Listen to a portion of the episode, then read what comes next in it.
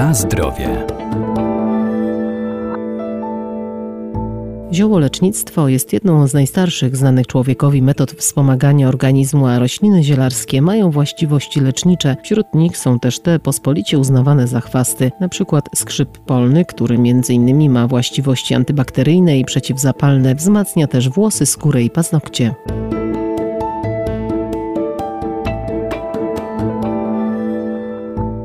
Skrzyp polny popularnie uznawany jest za uciążliwy chwast, ale to bardzo znana i wartościowa roślina lecznicza, szeroko też wykorzystywana w kosmetologii. Ziele skrzypu stanowi bogate źródło wielu substancji o działaniu prozdrowotnym. Odwary z ziela stosuje się m.in. w stanach zapalnych dróg moczowych i kamicy, a także przy zaburzeniach przemiany materii. Skrzyp polny, roślina trochę niepozorna, można jej nie zauważyć. Występuje głównie na terenach takich, można powiedzieć, nieużytkach albo takich trudnych do użytkowania, na jakichś suchych łąkach, jak nazwa podpowiada też na polach, a więc wśród innych upraw jest rodzajem chwastu. Doktor ogrodnictwa Arkadiusz Iwaniuk. On rośnie po prostu tam, gdzie inne gatunki już naprawdę nie chciałyby rosnąć. Wybiera, czy powiedzmy zadowala się glebą jałową, taką piaszczystą, kwaśną, czasami nawet zbyt wilgotną, a więc tam, gdzie uprawy raczej nie ma. No i jednocześnie ta roślina pospolicie występująca jest bardzo ciekawym, kiedyś, teraz może mniej, ale kiedyś bardzo powszechnie stosowanym lekiem ziołowym. I tutaj jakbyśmy zaczęli wymieniać te wszystkie zalety czy zastosowania skrzypu, to długa lista nam się robi i niemalże panaceum na wiele różnych chorób, ale tak po kolei. Przede wszystkim skrzyp jest gatunkiem, który pomaga osobom cierpiącym na dnę moczanową.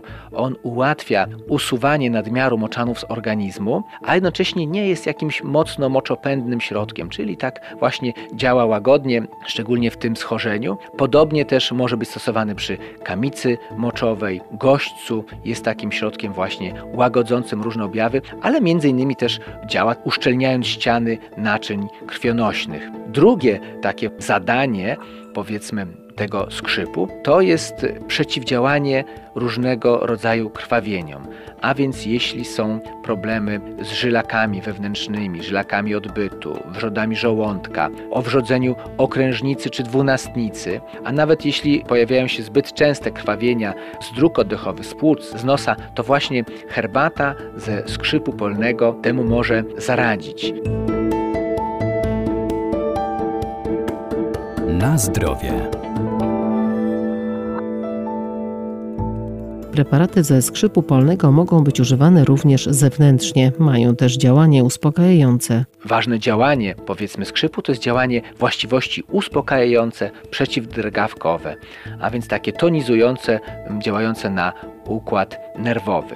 Kolejne zastosowanie skrzypu to jest działanie przeciwpotne. Jeśli ktoś ma problemy z nadmierną potliwością, to taka herbatka ze skrzypu polnego ten problem łagodzi, zmniejsza i jest to jak najbardziej godna polecenia. No i skrzyp polny może być też stosowany zewnętrznie. I tutaj zarówno w przypadku okładów na jakieś stany zapalne, czy nawet uszkodzenia skóry, ale też jest stosowany jako specyficzny kosmetyk, który jakby poprawia jakość, jakbyśmy powiedzieli, jakość naszej cery, czyli stosuje się go najczęściej w przypadku takiej cery naczyniowej, bo flawonoidy wzmacniają naczynka skóry, przestają one pękać, więc wyglądają ładnie, nie mamy takich pajączków właśnie dzięki stosowaniu skrzypu. Jak y, stosować skrzyp polny? A więc najlepiej, jeśli jest to herbatka, czyli napar, dwie łyżeczki ziela na połowę szklanki, czyli na filiżankę, zalewanym wrzątkiem, odstawiamy na 15 minut i trzy razy dziennie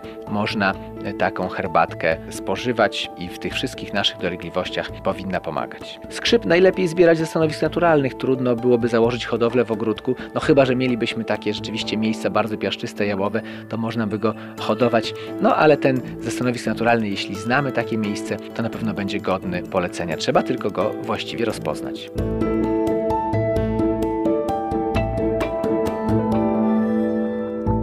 Warto więc sięgać po rośliny zielarskie, by wspomagać nasz organizm, ale pamiętajmy, że zioła należy stosować z umiarem, zwłaszcza jeżeli są używane w celach leczniczych. Najlepiej ich zastosowanie i dawkowanie skonsultować z lekarzem. Na zdrowie.